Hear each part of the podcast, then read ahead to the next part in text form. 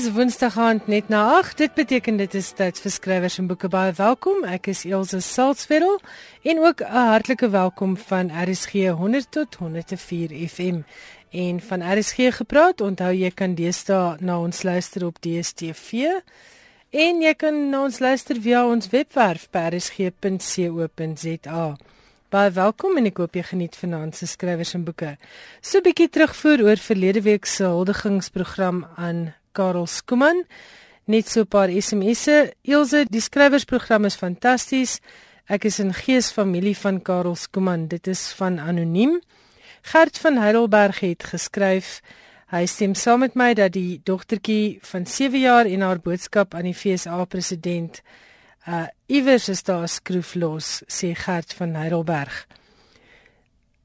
'n Leser uit Stellenbosch, ook naamloos, laat weet ek het die boek Syferfontein van Cas Webner onlangs gelees en besef Afrikaans is nie dood nie.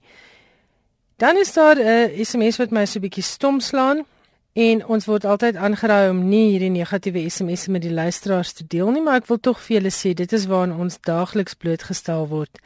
Hier is 'n naamlose SMS natuurlik, want sulke mense het nooit die moed om hulle eie name by te sit nie wat sê En dis nou oor die huldigingsprogram vir Karel Skuman. Hoe siek.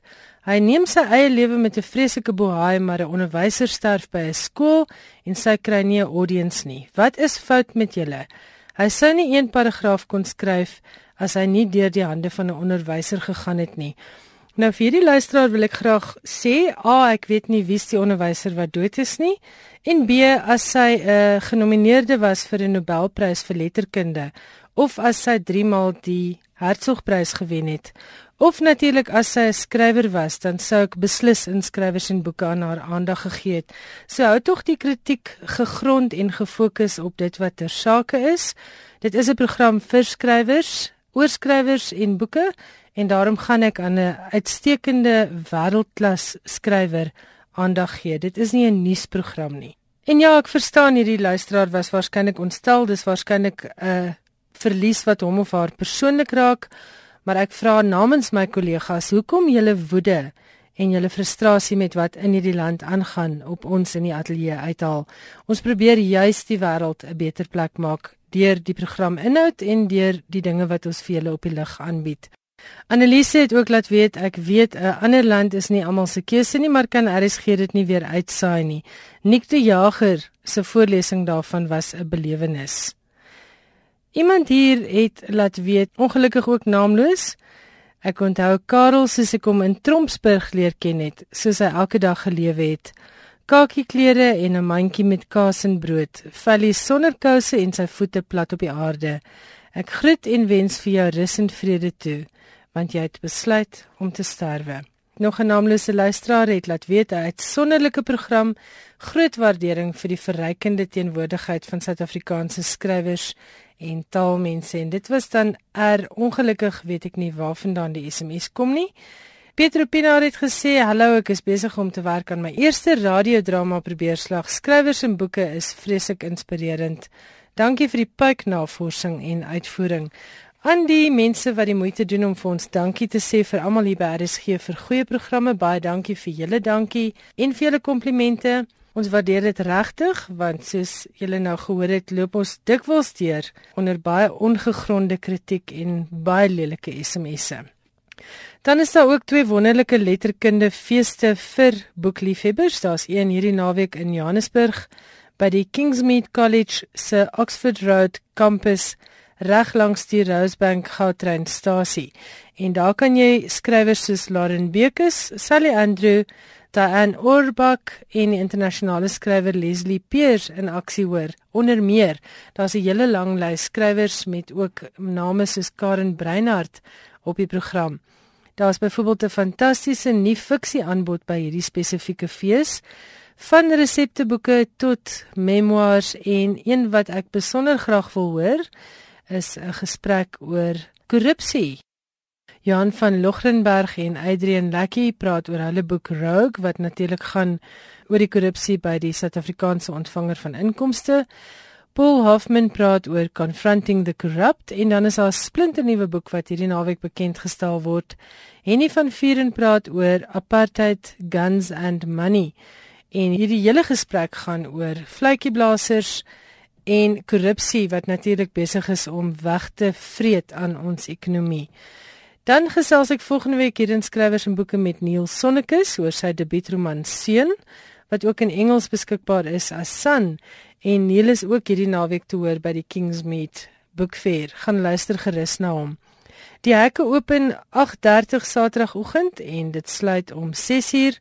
Daar is kunstenaars ook op die program. Daar sal eetgoed wees, daar's heerlike boekgesprekke. Gaan maak beslis 'n draai by die Kingsmead College Book Fair. Hierdie Saterdag kaartjiepryse is R60 vir toegang en R60 dan vir elke sessie wat jy wil bywoon. Bespreek via webtickets of jy kan by die Kingsmead Boekfees dan jou kaartjies koop. Vir meer inligting gaan maak 'n draai op hulle webwerf. Dit is www.kingsmead.co.za. Die volledige program is daar. En dan volgende week 19, 20 en 21 Mei, dit is volgende naweek, is dit tyd vir die jaarlikse Franshoek Literary Festival en dit is vanjaar die 10de letterkundefees wat in Franshoek aangebied word. Die doel daarvan was natuurlik om 'n lekker wye verskeidenheid van meestal Suid-Afrikaanse skrywers bymekaar te kry en ook 'n paar internasionale skrywers om lesers en ander skrywers te inspireer en ook in te lig. En die gelde wat hulle so insamel met die jaarlikse Franshoek Literary Festival word aangewend in die plaaslike gemeenskap vir die plaaslike gemeenskap en byvoorbeeld vir die uitbreiding van biblioteke in die streek. Die fees is van volgende Vrydag die 19de tot volgende Sondag die 21ste Mei. En daar is ook 'n book week for young readers wat die naweek se verrigtinge voorafgaan. Die klem val op informele besprekings. Ek weet daar's altyd heerlike debatte wat mense laat nadink oor die boekwêreld en ook oor die wêreld waarin ons leef. En tydens hierdie fees kan jy gaan luister na onder meer, daar's 'n hele lang lys skrywers, ek noem maar net so 3 of 4. Darryl Bristol Bovey, die uh, rubriekskrywer by humoristiese mens, hy gaan gesels daar. François Bloemhof wat ons baie goed ken hier by skrywers en boeke tree ook daarop. Elsabie Brits gaan praat oor haar boek oor Emily Hobhouse. Tandeka Tubela gaan haar biografie oor Tuli Madonsela daar bekendstel dan is die internasionale skrywers Sophie Hanna en Leslie Peers ook daar te hoor. Dit is by die Franschhoek Literary Festival gaan gerus na hulle webwerf en dit is 1920 en 21 Mei in Franschhoek. Nou gesels Suzette Kotse Meiberg in Kaapstad met Naomi Meyer oor haar debuutroman Web. En vir die van julle wat wonder hoekom die naam so bekend klink, Naomi Meyer is ook die redakteur by die webwerf Litnet. Ek hoop jy geniet die gesprek oor 'n baie interessante boek wat ek beslis kan aanbeveel. Naomi baie welkom by ons in die ateljee. Baie dankie Susie. Ons gesels oor jou roman, 'n uh, Web en dit word beskryf as jou debuutroman, maar ek weet jy het al 'n jeugboek gepubliseer, Ryk jy die filmster in 2006. Dis reg, ek het ingeskryf vir die Sanlam Prys vir jeuglektuur in 2005 en dit was op die kortlys, maar ja, Web is die eerste boek vir volwassenes. En waar kom die idee vir die boek vandaan? Ek en my man en my kinders het jare lank in Ierland gebly en ek en my man en my seun wat op daardie stadium as enigste kind was nog het in 2011 in Portugal vakansie gehou en op dieselfde strand waar Madeleine McCann weggeraak het, het die intensiteit van die oomblik my getref en het ek na my seun gekyk en na die strand en gevoel dit is om in 'n warm land te wees waar die son skyn wat ek baie gemis het terwyl ons in Ierland was en gedink hoe kortstondig alles is en hoe afskeid en verlies en alles opgesluit is. Dis nou 'n baie lang aanloop vir die vir die hele kwessie. Vir 'n oomblik het dit my persoonlik getref. Hoe sal dit wees as hierdie kind wegraak? Dit was vir my 'n stimulus of 'n soort van 'n saadjie wat geplant is vir die hele soeke wat in die boek opgesluit is. Wat as die hoofkarakter se kind wegraak?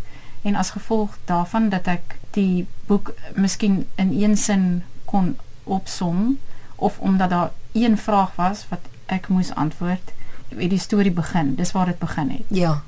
En jy het 'n baie baie interessante en baie effektiewe struktuur besluit geneem. Struktuur is 'n moeilike ding en mense sien baie keer hoe skrywers kleitrap met met struktuur en jy het 'n uiters ingewikkelde struktuur gehad wat jy in tyd heen en weer beweeg, maar dit is my verstommend uh, om te sien hoe maklik jy dit opgelos het. Jy het eenvoudig elke hoofstuk begin deur te sê wie in hierdie hoofstuk nou die fokus op is, Sofia byvoorbeeld die hoofkarakter, en dan is dit Sofia 3 dae voor Magriet weggeraak het, haar dogtertjie of Sofia 2 dae nadat Magriet weggeraak het. Waar het jy daai idee gekry? Want 'n mens sou dink dit is moeilik om deur so 'n webagtige struktuur van 'n boek te navigeer, maar dit is nie. Ek dink in in die werklike lewe spring my kop nogal baie rond en ek dink terwyl ek aan die verskillende weergawe van die manuskrip gewerk het, het ek miskien met die hele skryfproses op dieselfde organiese manier benader as wat ek leef of as wat my kop werk. En dit het my taamlik gek gemaak. En teen die tyd wat ek al en verder was en begin het om papiere op die grond rond te skuif en tydlyne te bou het dit nog steeds nie volkomme sin gemaak. En in eers teen die tyd wat dit al ver gevorder het en teen die tyd wat ek saam met 'n uitgewer al daarmee besig was kon ek die tydlyne vir myself volledig uitbou sekere van die karakters uit wiese perspektief ek skryf of dit nou die internet is of wat ook al waar ek gewonder het of dit gaan tuis hoort in hierdie hele struktuur so ek het baie daarmee gesukkel. Die kort antwoord is ek het regtig gesukkel om dit reg te kry en ek het klomp verskillende weergawe gehad en uiteindelik vir myself baie definitiewe tydlyne opgestel ja. nadat ek baie herskryf het. Ja, maar gelukkig daar's die uh, Amerikaner 'n uh, sekere regter Brandes het gesê there is no good writing only good rewriting. So hm. skrywers moet maar rewrite en rewrite in die webgevoel wat jy daardeur gekry het want jou boek is absoluut laag op laag op laag van verskillende karakters en verskillende gebeurtenisse wat soos 'n web ineengestrengel is maar op 'n baie ehm um, jy kan amper so die los draadjies van die web sien maar jy weet ook die heeltyd is die web met mekaar verbind. Jou verskillende subtemas uh, byvoorbeeld Candice die vrou wat soms vir Sofia na die kinders kyk. Wat was die inspirasie vir Candice se storie? Elkeen van die karakters in hierdie storie is Frankenstein gedroogte en aan mekaar gesit deur mense wat ek nog net eenslag hoor praat het of op straat gesien het of wat miskien een keer in ons huis was of Candice is nie regtig iemand wat ek ken nie. My waarheid is sê dis ook nie iemand wat die hoofkarakter ooit regtig leer ken nie. Dis een van die groot frustrasies in die boek. Dis een van die afskeide in die boek vir die hoofkarakter. Miskien gee ek nou te veel weg dit te gesê, maar in ieder geval die inspirasie vir haar is dat ek en my man lank oor see gewoon het en toe ons teruggekom het in Nederland was daar dinge wat my opgeval het waarvan 'n mens nie kan wegkom nie. Die raskwessie, die kleurkwessie, hoe dit gedurig inspel. Ja, en en klas, klas ja. is ook 'n baie ja. prominente ding dat daar in Suid-Afrika altyd mense is wat vir ander mense werk en hoe hoe daar mure tussen almal van ons is. En um, ek dink Candice en veral die dogtertjie in Candice se lewe, haar Zoe. Ja, haar kleindogter. Dis ook gebaseer op mense wat ek nie regtig ken nie. 'n klein bietjie ken en 'n klein bietjie mee te doen het op verskillende plekke. Dis baie moeilik om om werklik konkreet oor 'n karakter te praat want hulle is werklike tasbare mense in in die storie terwyl jy met hulle besig is en dan in die werklike lewe is hulle niks van my nie. Ja jy weet dit dit is 'n speurverhaal, maar dit is ook nie 'n werklike uh, klassieke speurverhaal nie. Dit begin met die dogtertjie wat wegraak, Magriet, by die kleuterskool. Die oggend het uh, Sofia haar daar gaan aflaai saam met die seentjie en skielik is sy net tussen neus en ore weg. Uh, soos wat 'n mens veronderstel met alle kere gebeur wanneer kinders vermis raak. Jy weet dis soos mense sê altyd dis die, die een oomblik is die kind nog daar en die volgende oomblik is dit asof die kind in die dun lug verdwyn het. En nou kom die leser baie gou in die boek agter, maar nou as ware is Sofia ook weg. Die ma is nou ook weg. En daar kom dan ook nou weer 'n hele uh, web van uh, ingewikkeldhede kom nou dan daar rondom. Maar jy het gewerk uiteindelik met 'n misdaad elemente, baie ernstige misdaad element. So wou jy 'n bietjie die hele misdaad genre wat nou so algemeen is en wou jy 'n bietjie in daai rigting beweeg? dit was vir my 'n baie gerieflike manier om 'n storie te dryf terwyl ek besig was om self te probeer uitpleis waar die kind is want ek het regtig nie geweet tot baie later nie het ek obsessief navorsing gedoen oor en agter die storie aangeloop. Ek het ook iewers gelees en ek kan nie my bron onthou nie dat 'n mens soort van 'n skakele koplig aan en loop agter die storie aan. En dis min of meer wat ek gedoen het. Dit was nie doelbewus aanvanklik 'n misdaadstorie nie. Nie omdat ek nie van die genre hou nie, maar net doodgewoon omdat ek besig was om 'n storie te skryf en omdat die vraag 'n misdaadagtige vraag is, kon dit nie anders as om deel te vorm van die genre of subgenre van die misdaad of domestic noir wat dit nou is nie. Dit was nie doelbewuste poging nie, maar dit is wat dit geword het. Ja, en uiteindelik sit 'n mens met 'n boek wat baie ernstige maatskaplike kwessies aanspreek rondom kinders. En dit gryp mense aan die hart om net weer te besef hoe weerloos kinders is en hoe uitgelewer kinders is, maar ook hulle ouers deur daai verbintenis, daai daai web, daai verbondenheid tussen die ouer en die kind. En ek het so 'n indruk gekry van die vrees waarin ouers leef en die bekommernis oor kinders. Ek het lanklaas 'n boek gelees wat so diep en gefokus in sy detail ingaan oor kind en ouer verhouding. Is dit iets wat jy in jou persoonlike lewe kon jy dit daaruit ontgin? Daar's baie antwoorde op die vraag. Die een is soos ek nou net op Facebook gesien het of iewers anders gelees het dat 'n skrywer het gesê hy dra graag die boek op aan sy gesin sonder wie die boek 2 jaar vinniger geskryf sou gewees. Kinders en 'n gesinslewe is deel van my lewe. Dit is vir my 'n wegspringpunt van waar af die storie geskryf is en waar ek my karakter kon plaas. So dit was vir my deel van my verwysingsraamwerk. Ek moet net byvoeg die ander aspek van ouerskap wat veroorsaak het dat ek die boek wel kon skryf, hoewel ek dit klink of ek myself nou weer spreek, is dat toe my seun gebore is, wat my oudste kind is, het ek werklik een nag besef toe hy wakker word dis nou of nooit. Ek kan nou vir altyd vashou aan 'n droom om 'n boek te skryf of anders moet ek nou in al die tyd wat ek regtig nie het nie, moet ek raap en skraap soos 'n aas voel, soos 'n mens jou karakter skep. En dit gebruik as my kos of as my tyd om tyd te vind om iets te skryf en ja. iets te skep. So my gesin was met ander woorde vir my inspirasie, maar hulle was ook my dryfkrag. Al die paar minute wat mens nie besig is met gesinstake nie, was dit vir my 'n manier om die storie te kon skryf. Ja. En en ek moet ook byvoeg net so in 'n geval my man luister dat hy ook 'n baie groot versorgende rol gespeel het en steeds speel en dat hy die een is wat ook gehelp het om tyd te maak om ja. die kinders te te voed of met hulle te speel of met hulle besig te wees.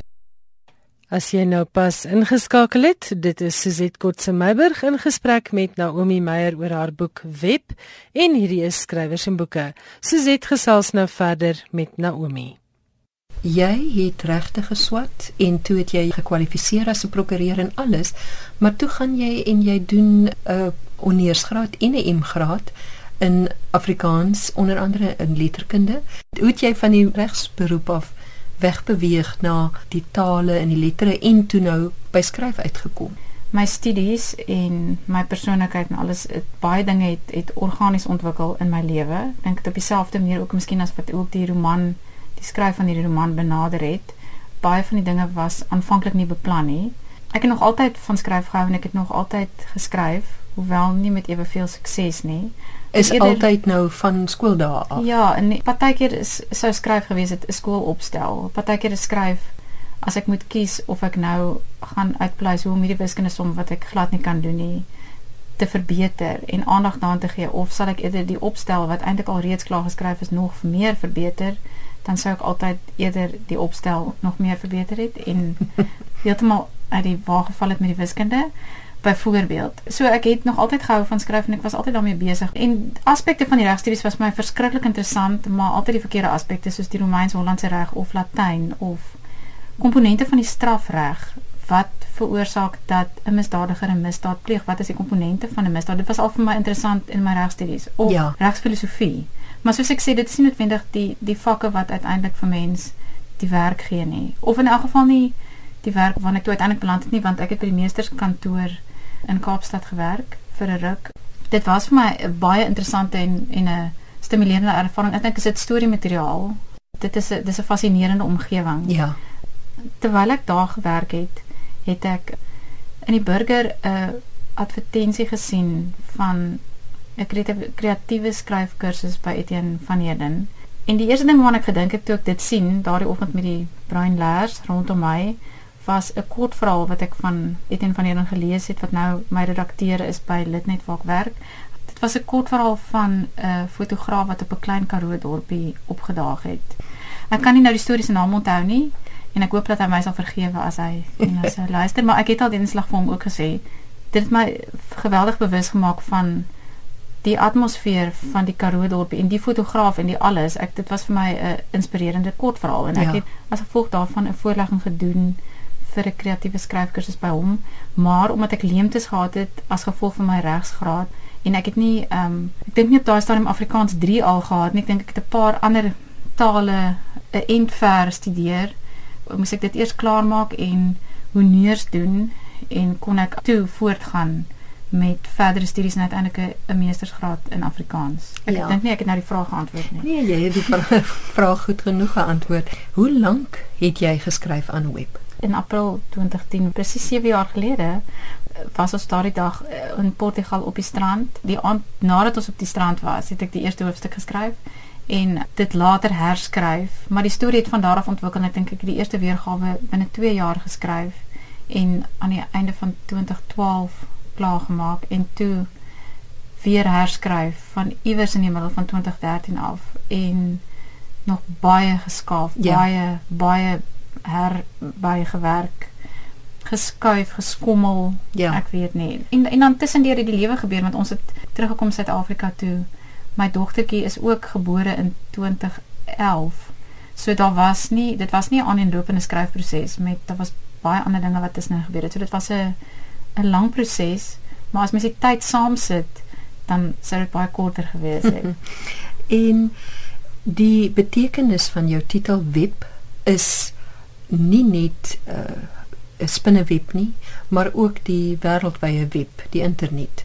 En dit is ook jou werk. Jy werk by Litnet. Vertel 'n bietjie van jou werk by Litnet. Litnet is 'n aanlyn joernaal wat om besig hou met allerlei Suid-Afrikaanse dinge. Jy kan aan die een kant sê dis 'n 24 uur kunstefees, aan die ander kant kan mense ook sê dit bemoei hom met ernstige sake van die dag sonder dat ons die kapasiteit of die hoeveelheid personeel het om 'n 'n nuuskanaal te kan wees. Ek sê dit neem eerder gesprekke verder. Maar die feit dat ek by Litnet werk, veroorsaak dat ek baie bewus is van hoe dit is om in 'n aanlyn omgewing te wees en jou altyd daar te bevind en ook hoe om in die sosiale media omgewing te wees of dit nou is om inhoud te adverteer en dan verder te reis, rond te spring na ander webruimtes en te kyk na wat ander mense aanvang. Ek dink 'n mens kyk as jy skryf, kyk 'n mens heeltyd af. Jy jy hou mense dop en waar ek werk, ek hou nie altyd mense in die werklike lewe dop nie, maar ek kyk wat hulle aanlyn doen en dit is een van die goed wat vir my baie interessant is. En ek het ek dink dit ook per ongeluk neerslag gevind in die storie omdat dit in my daaglikse lewe iets is wat vir my interessant is, het dit ook in my karakter se se storie beland. Ja ek sê altyd ons eh, ek en jy en ons soort van geslag ons is die pre-internet generasie maar jou kinders nou is byvoorbeeld uit en uit internet generasie sien jy 'n verskil? As jy jou kinders dophou en as jy na jouself kyk en hoe jy groot geword het sien jy al 'n merkbare verskil? Jou seun is nou al 10 tussen hierdie internet generasie en die pre-internet generasie Ja, ek dink die al die trefwoorde is ons is digitale immigrante en dit is absoluut so dat dit nie vir ons vanselfsprekend is om om rond te stap. Ehm um, ek betrap myself dat ek partykeer nou sal dink o, hier moet ek 'n foto neem vir Facebook of wat ook al, maar dit is nie iets wat dis nie my heel eerste gedagte. Of as ek daaroor dink, dan herdink ek die gedagte terwyl ek dink vir kinders van hulle generasie, ook my dogtertjie wat nou 6 is, sy sal baie keer tot my frustrasie op YouTube wil kyk. Sy speel self baie met haar eie speelgoed. Partykeer sal sy op YouTube, sy het nou dag vir my gesê sy wil op YouTube kyk hoe iemand met 'n babie speel of so iets. Mm. Toe kon ek dit nie glo nie toe ek dink ek soos iemand gesê het Walt Disney got to them before I could of so iets, maar die die ek het nie die saadjie geplant nie, maar dis 'n gedagte wat by haar van self opgekom het. Ja. Sy wil kyk. Dis 'n baie passiewe aksie, het ek gedink. Ja. Plus, dis ook 'n baie ekshibisionistiese ding want dan onmiddellik is dit is daar dan ook as uit 'n volwasse perspektief nê nee, dink 'n mens dink sy dan ook dat ek haar moet afneem waar sy met haar poppie speel of wat ook al net so op YouTube sit. Ja, dit is alles goed wat en met ander woorde sy het al sy het op 6 het sy al daardie outomatiese ek wil nou sê insig maar dit is nie insig nie dit is vir dis vir deel van haar verwysingsraamwerk ja. van van dat jy klein is. Maar ek dink nie dis net 'n negatiewe ding nie. Ek dink glad nie die internet is 'n is 'n negatiewe gevaarlike plek nie. Ek dink net dis 'n grenslose soort omgewing en 'n mens moet jy moet maar met jou kinders praat. Ek weet ek weet nie eintlik wat die toekoms inhou nie. Ek weet nie hoe hoe 'n volgende generasie sal wees wanneer hulle so oud soos ons is nie. Ja. Mense het mense het geen idee nie. Daar is nie 'n manier om dit te kan voorspel. Mense wat groot word met die idee van ek deel dit met my beste Facebook vriend. Ek deel dit met die wêreld. Ja. Ek weet nie. Die antwoord is ek weet nie die donker deel van die internet, die donker deel van menswees is altyd daar en natuurlik in die tyd waarin ons nou leef, neem daai donker deel baie dikwels die vorm aan van 'n digitale donker deel. En dit is een van die goed in die boek wat vir my baie interessant was, wat baie fascinerend was om 'n meer van 'n kyk hierin te kry. 'n Ander aspek wat my ook gefassineer het is jou hoofkarakter is Sofia en haar werkgewer is 'n vrou met die naam van Trou en dit word op die Nederlandse manier gespel. Die twee vrouens, Sofia beteken wysheid, trou beteken natuurlik getrouheid. Het jy hulle 'n bietjie as uh ek wil amper sê teenhangers van mekaar gesien? Ja, aan die een kant wat die naamgewing betref, dit was ironiese name. Albei van hulle was ironies want Sofia het duidelik nie die wysheid of die insig nie en sy maak regtig swak besluite en dan trou is ook werklik nie 'n baie getroue figuur nie. Ek het die ironie um, wel raak gesien. Maar ek het nie vreeslik gewroeg oor die karakter se naam nie. Dit was amper soos 'n werkstitel was dit werksname en toe later het ek dit soveel kere gebruik dat ek nie meer geweet het hoe om dit te verander nie. Dit groei. Ons het bietjie gesukkel om vir my dogtertjie 'n naam te kies en dan as jy baie kere die naam vir jou gesê het, dan sal ek seker moet vertel. Ek het myself nou begewe daaraan. My dogtertjie se naam is Maya en dit is my ma se twee voorname, ehm um, Margareta Jacoba. Het ek mekaar gesit en ehm um, toe 'n paar keer gesê het Maya, het die naam gegroei en toe sy gebore is, het ons hoe meer mense sê Maya, hoe meer word sy Maya. Mm.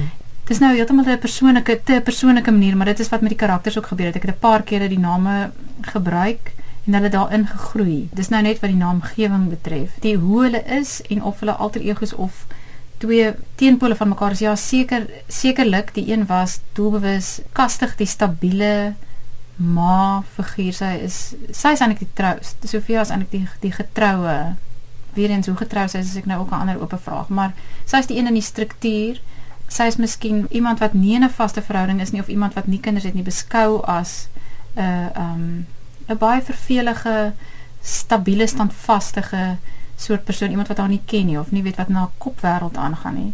En teenoor trou, is sy dan nou wie wie is sy nou? Is sy nou die die teenoorgestelde? Ek so ja, hulle was so half teenoor mekaar geplaas as twee teenpole van mekaar. Die een is die die een met 'n gesin en die een daarsonder. Ja en ook uh, die enigste verbintenis tussen hulle is nog dat hulle vriendinne op universiteit was maar uh, toe was hulle wêrelde so dieselfde ja. en nou soveel jare later is hulle wêrelde geweldig verskillend maar dit het jou nou as skrywer in staat gestel om rondom elk van hierdie twee karakters 'n baie ook weer 'n hele web van verhoudings en verbintenisse te kon ontgin. Ek het vreeslik lekker aan jou boek gelees. Ek het die pas naweek se 2 dae om op my bed gelê en lekker gelees en vir my man gesê jammer maar ek werk mos nou eintlik. Ehm um, skryf jy is jy het jy 'n volgende boek in die beplanning? Dit is moeilik om daaroor te praat, maar ek is besig met iets anders. Ek weet nie of ek nog veel meer as dit wil sê nie, maar daar mense het baie idees. Die kort antwoord is maar net ja, ek is besig met iets anders en ek ek ek sou graag nog wou skryf. Jy het baie goeie resensies en baie goeie ontvangs gekry van jou boek. Hoe voel dit? Ek is regtig verbaas en baie verlig. Mens werk in die donker. Ek het ek het regtig nie hierdie boek met enigiemand anders gedeel behalwe my man en toe uiteindelik met die uitgewer wat wonderlik was nie maar dit is 'n verligting as mens uiteindelik eh, dit bekendstel of as dit in die wêreld se hande beland en daar is 'n positiewe ontvangs tot dusver ek voel nie ek het gearriveer of of enige so iets nie ek is net ek is net verlig oor oor oor positiewe terugvoer en ehm um, kritiek is dan natuurlik sal daar sekerlik ook wees. Ek ek ehm um, dink dit is deel van gesonde gesprekvoering vir letterkunde. Baie sterkte vir die volgende een en baie dankie vir die gesprek. Baie dankie Suzette.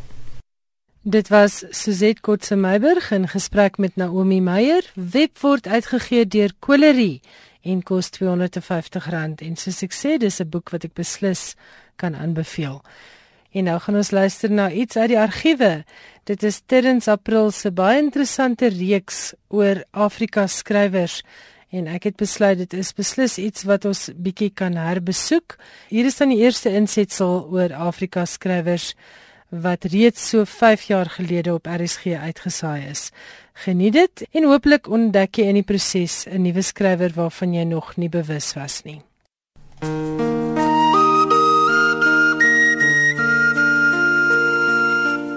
Flora Nwapa, 'n skrywer uit Nigerië, se trefferroman Ifuru verskyn in 1966.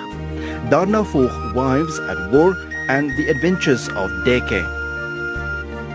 Flora Nwapa is in 1931 in die ooste van Nigerië in Aguta gebore. Sy het na skoolopleiding aan die universiteite van Abadan en Edinburgh, Skotland gestudeer. Terug in haar geboorteland het Nwapa klas gegee aan die Universiteit van Lagos asook in die VSA. Sy het daar veral toegespits op die onderwys. In haar literêrewerke staan die vrou sentraal. Efuru was her name. She was a remarkable woman. It was not only that she came from a distinguished family, she was distinguished herself. Her husband was not known and people wondered why she married him. Dit was nie net in haar boeke waar Flora Nwapa haar uitgelaat het oor die lot van die vrou in Afrika nie. Sy het tydens 'n onderhoud met Marie Ume in 1985 gesê: When I do write about women in Nigeria in Africa, I try to paint a positive picture about women because there are many women who are very, very positive in their thinking, who are very, very independent and very, very industrious. Flora Nwapa het haar later toegespits op die uitgewersbedryf en het Tana Press en Flora Nwapa Books gestig. Sy sterf in 1993.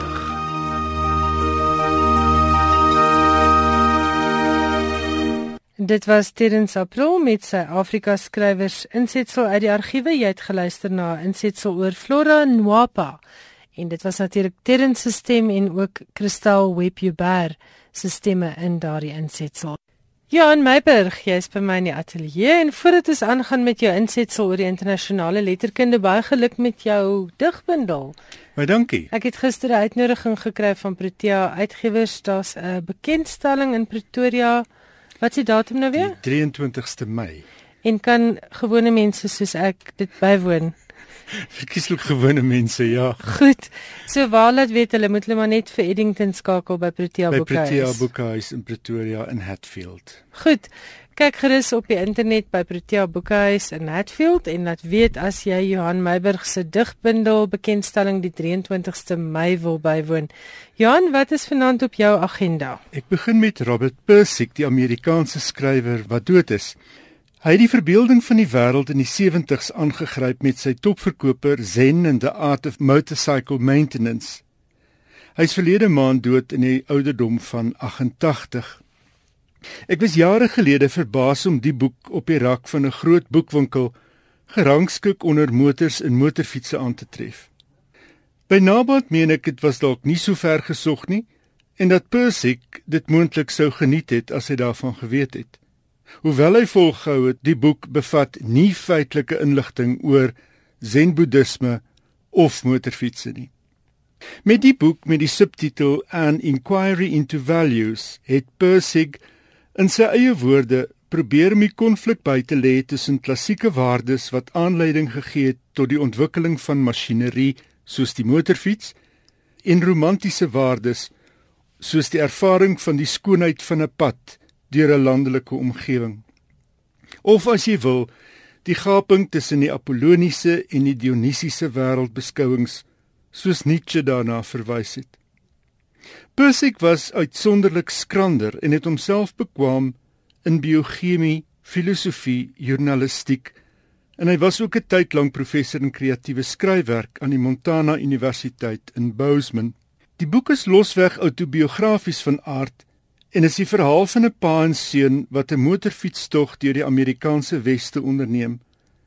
Dit bevat heelwat terugflitsse na 'n tyd toe die pa gediagnoseer is met skizofrenie. Persik het meer as 100 uitgewers sonder sukses genader voordat William Morrow and Company in 1974 besluit het om die boek uit te gee. Sy tweede roman, 'n opvolg vir Zen, het in 1991 verskyn as Lila: An Inquiry into Morals 'n boek waaraan hy 17 jaar gewerk het. Ek dink altyd daardie titel is soos Clockwork Orange. Al het jy nie die fliek gesien nie of al het jy nie die jy boek gelees die nie, jy ken die titel. Ja. Nee, dit is inderdaad so. En ek hoop werklik dat na soveel jaar, 40 jaar wat later dat die boek dalk miskien nou met sy dood weer 'n klomp lesers gaan bykry. Ja, want hy was eintlik nooit van die rakke af nie. Mense Nee, sien hom nog is altyd steeds daar. altyd op 'n boekrak. En jy gaan nou praat oor e-boeke. Skermtamheid word aangegee as die rede waarom Britte nou toenemend boeke in gedrukte formaat verkies. Verkope van e-boeke in Brittanje het volgens The Guardian met 17% afgeneem, die laagste vlak sedert 2011, die jaar waarin e-boeke in die vorm van die Amazon Kindle tot die mark toegetree het. Ek sal nie sê die e-boek droom is oor nie, het Steven Lotinga, uitvoerende hoof van die Britse Uitgewersvereniging gesê. Hoewel mense duideliker is oor die hoeveelheid tyd wat hulle voor skerms wil deurbring. Mense begin al meer praat van skermtamheid, 'n moegheid om vir lang tye na skerms te sit en staar. Gedrukte boeke bied lesers nou 'n welkome verpoosing.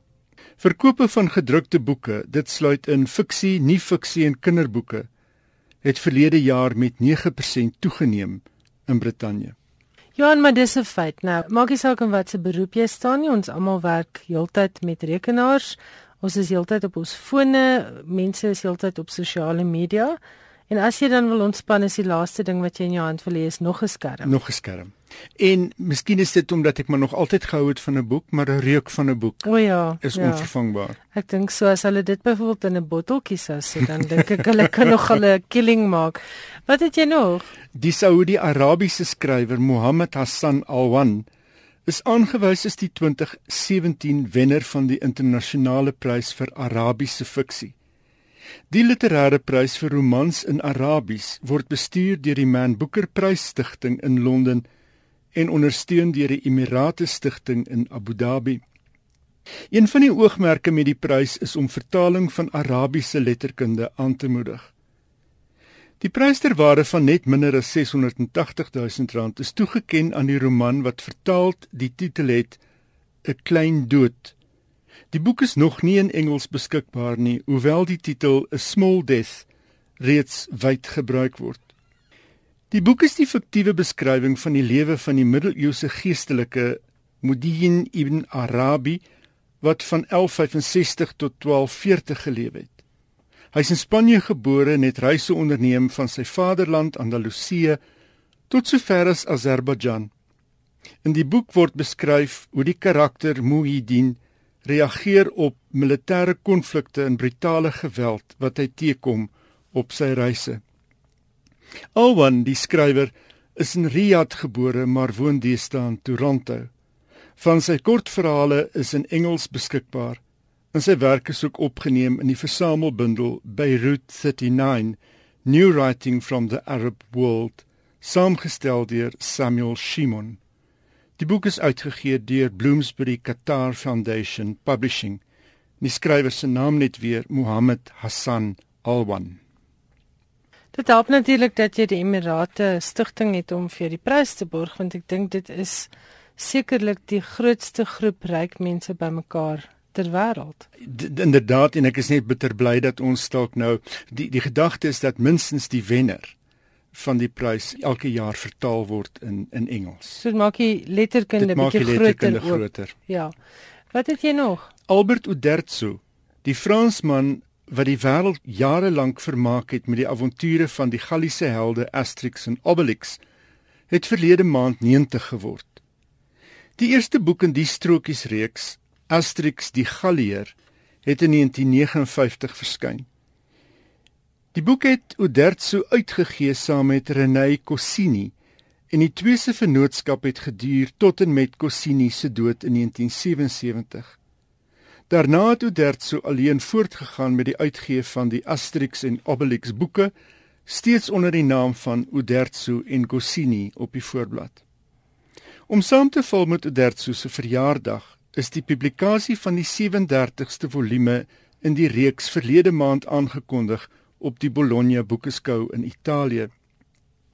Uderzo hou wel nog 'n oogie oor die produksieproses, hoewel Gianni Ferri en Didier Conrad deesdae die skryfwerk doen.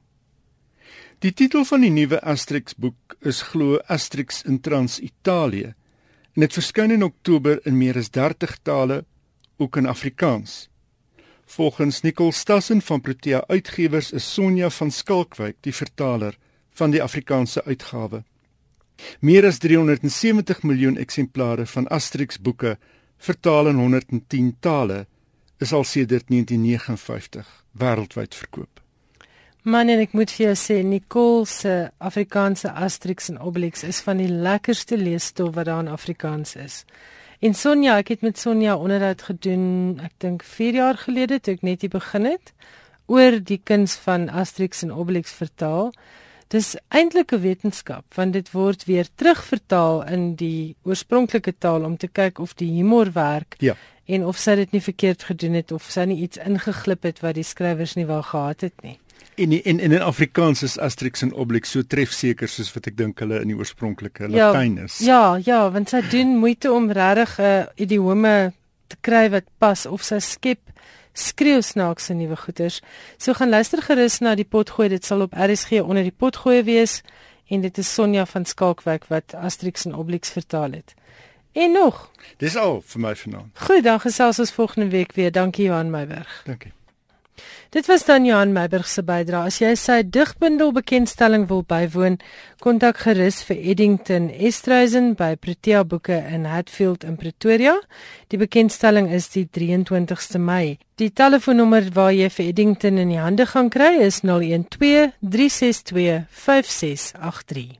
En as jy nie geweet het Asterix en Obelix is in Afrikaans ook beskikbaar nie, gaan maak gerus 'n draai op Protea Boekhuis se webwerf. Dit is www.proteaboekhuis.com en dit is van die genotlikste Afrikaanse boeke wat jy ooit in ons taal te lees sal kry. Gaan luister ook gerus na my onderhoud met Sonja van Skalkwyk. Ek het nou gaan kyk, dit is op Potgooi op die 4de Desember 2013. 4 Desember 2013. Gaan eenvoudig na ons webwerf, klik op Potgooi, gaan na skrywers en boeke en dan sit jy net die kodewoord Asterix in, die sleutelwoord en dit sal jou neem na 4 Desember 2013. Dit is nogal baie interessant om te hoor hoe so 'n internasionale handelsmerk boek se vertaling na Afrikaans aangepak word. Dit is dan al van my kant af vir skrywers en boeke. Volgende Woensdag gaan gesels ek met Neil Sonnekus oor sy debuutroman Seun wat ook in Engels beskikbaar is as Son. Dit is 'n gesprek wat jy nie wil misloop nie. Tot dan bly ingeskakel op die res van vanaand se programme en geniet die res van jou week. Totsiens.